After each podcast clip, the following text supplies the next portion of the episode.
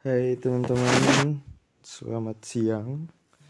Udah jam 12 sekarang waktu setempat Enggak ding 11.53 ya kalau di jam aku sekarang Udah H plus berapa berarti? H plus 4 ya?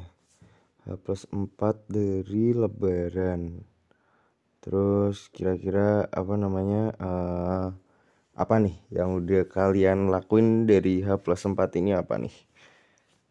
Coba nanti kita cerita-cerita aja gitu ya. Maksudnya kayak dari kemarin mungkin ada yang udah ngabisin nastar berapa mungkin? Atau udah ngabisin putri salju berapa? Oh itu enak banget sih. Putri salju itu maksudnya di atas dari aku maksudnya dari yang lain yang lain tuh itu yang paling enak sih. Nanti kita lanjut lagi aja di episode episode yang lain. Terima kasih